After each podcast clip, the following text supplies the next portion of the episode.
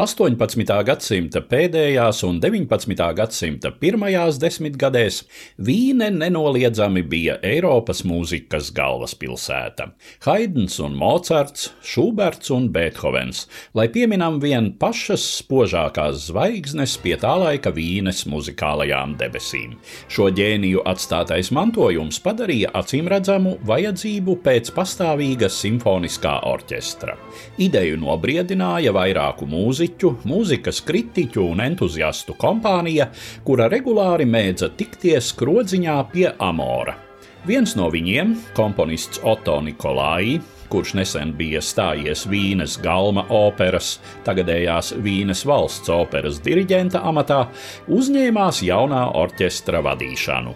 Sastāvs tika rekrutēts no galma operas orķestrantiem.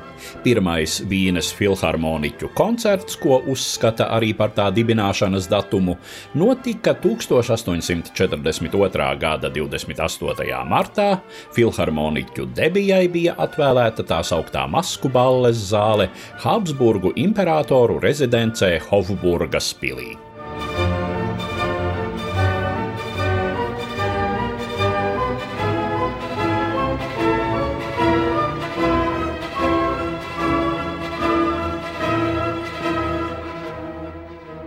Pirmās divas desmitgades Vīnes filharmoniķu darbība nebija diez cik stabila. Līdz 1860.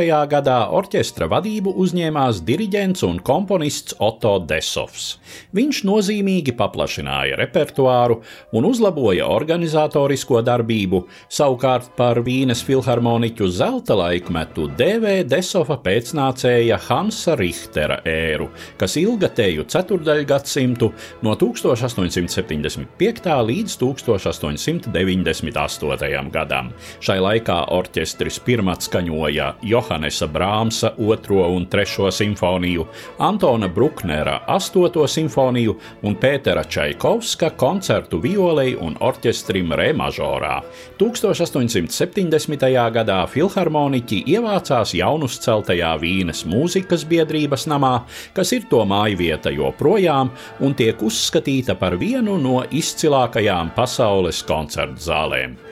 Diemžēl orķestra pastāvēšanas pirmajā gadsimtā tā vadītāju nomaiņa nereti saistījās ar intrigām, un viens šāds gadījums bija maestro Richtera aiziešana, viņa vietā nākot izcilajam komponistam Gustavam Māleram, kurš tieši neveselīgās atmosfēras dēļ sabija orķestra vadītāja amatā vien pāris sezonas. Arī 20. gadsimta pirmajā pusē pie Vīnes filharmoniķu diriģenta pults stāvējuši vairāki izcili meistari. Tāds bija komponists Feliks Svengartners no 1908.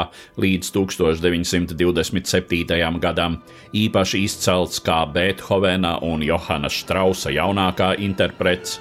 30. gados, kad orķestrim nebija pastāvīga vadītāja, kā spilgtākie tiek atzīmēti Bruno Walters un Vilhelms Furtvenglers.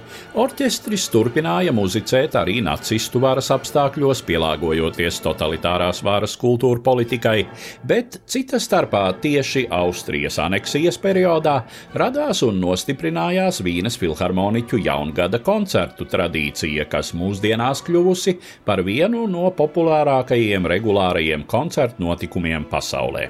Kas attiecas uz laiku pēc Otrā pasaules kara, tad orķestri diriģējusi vesela plejāde dižu meistaru, starp kuriem pirmām kārtām minami Herberts Karajans un Karls Bēms, bet arī Zubins Meta, Georgs Šoltī, Klaudio Abado, Rikardo Muti, Lorins Māzels, Daniels Barenboims un vēl daudzi, daudzi citi, protams, arī latvietis Maris Jansons.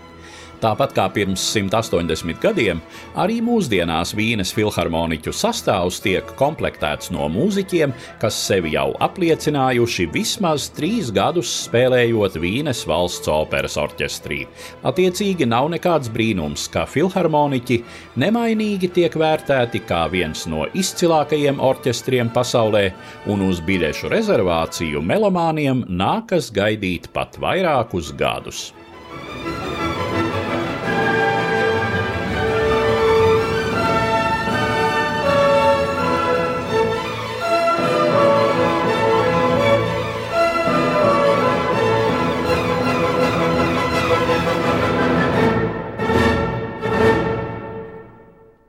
Stāstīja Eduards Liniņš.